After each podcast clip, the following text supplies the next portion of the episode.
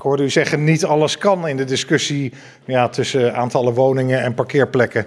Nou ja, je ziet dat Leiden een hele compacte stad is. Hè. We zijn na Den Haag de dichtstbebouwde stad van Nederland.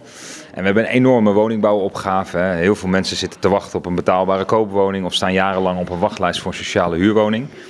Ja, en je ziet dat uh, bij verschillende voorstellen nu uh, we vooral betaalbare woningbouw toevoegen.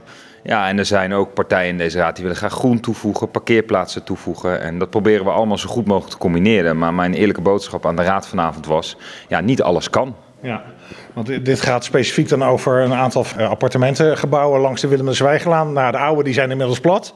Klopt, het gaat om vijf blokken langs de Willem de Zwijgelaan. En uh, ja, die, die woningen waren echt op en, en die waren oud. Dus uh, de sleutels heeft hij gesloopt. En vanavond hebben we een besluit genomen en daar ben ik echt heel erg blij mee. Er waren 90 woningen om daar 160 nieuwe woningen terug te brengen. Dat is fors. Daar wonen dus ook veel mensen, waarvan een behoorlijk deel waarschijnlijk ook een auto heeft. Ja, daar, daar, hebben mensen gewoond die uh, ook een auto hebben gehad. En die hebben nu van de sleutels, uh, of een andere corporatie, in dit geval de sleutels, een alternatieve woning gekregen. Ze krijgen ook de, de mogelijkheid om terug te keren. Alleen de voorwaarde is dan wel dat je dan geen vergunning meer krijgt om je auto te parkeren.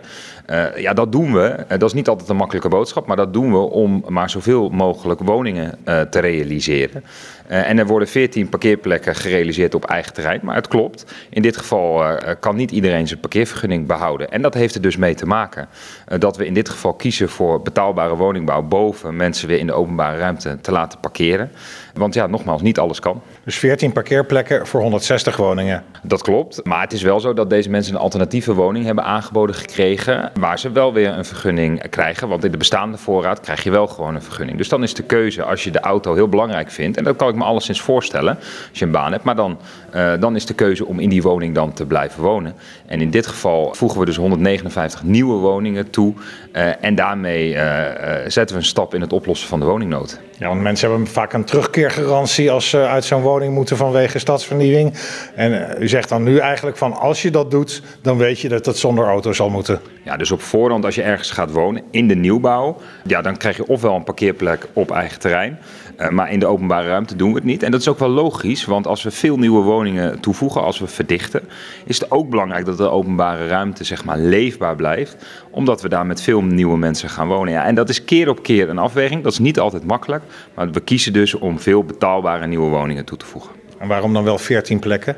Dat is dan de corporatie in dit geval die, die de keuze daarvoor maakt om toch wel een een, klein aantal, in dit geval parkeerplekken, uh, toe te voegen. Ja, dat is dan echt de business case, hè, hun, de rekensom die de corporaties zelf maken. Maar daar komt iedereen voor in aanmerking? Nee, in dit geval is dat voor de middeldure huurwoningen. Er worden ook uh, een aantal middeldure huurwoningen uh, toegevoegd. En die mensen komen dan in aanmerking voor die parkeerplek. Want zo redeneren ze dan, dat zijn ook de mensen met een auto? Ja, dat is een afweging die de corporatie dan maakt. Kijk, wat ik van belang vind. Het klinkt een beetje wrang, hè? dat vond een deel van de raad ook. Van, dus de mensen die echt een sociale huurwoning hebben en een auto nodig hebben voor hun werk, die hebben hem niet meer, die plek. Jawel, maar die hebben dus ook echt een alternatief aangeboden gekregen. Hè? En de, een andere plek in de stad. Een andere plek in de stad. En dat betekent dus ook dat we zo goed mogelijk tegemoet willen komen aan die wens, elders in de stad, maar tegelijkertijd ook tegemoet willen komen aan de vraag van de woningzoekende die acht of negen jaar op een wachtlijst staat. En zo proberen we heel veel verschillende belangen te combineren in een nieuwbouwproject. Want zo lang zijn die wachtlijsten inmiddels? Ja, die wachtlijsten in Leiden zijn acht, negen jaar voor een sociale huurwoning en daar moeten we echt uh, stappen in zetten. En dat hebben we vanavond gedaan door een uh, fors aantal nieuwe woningen toe te gaan voegen aan Leiden.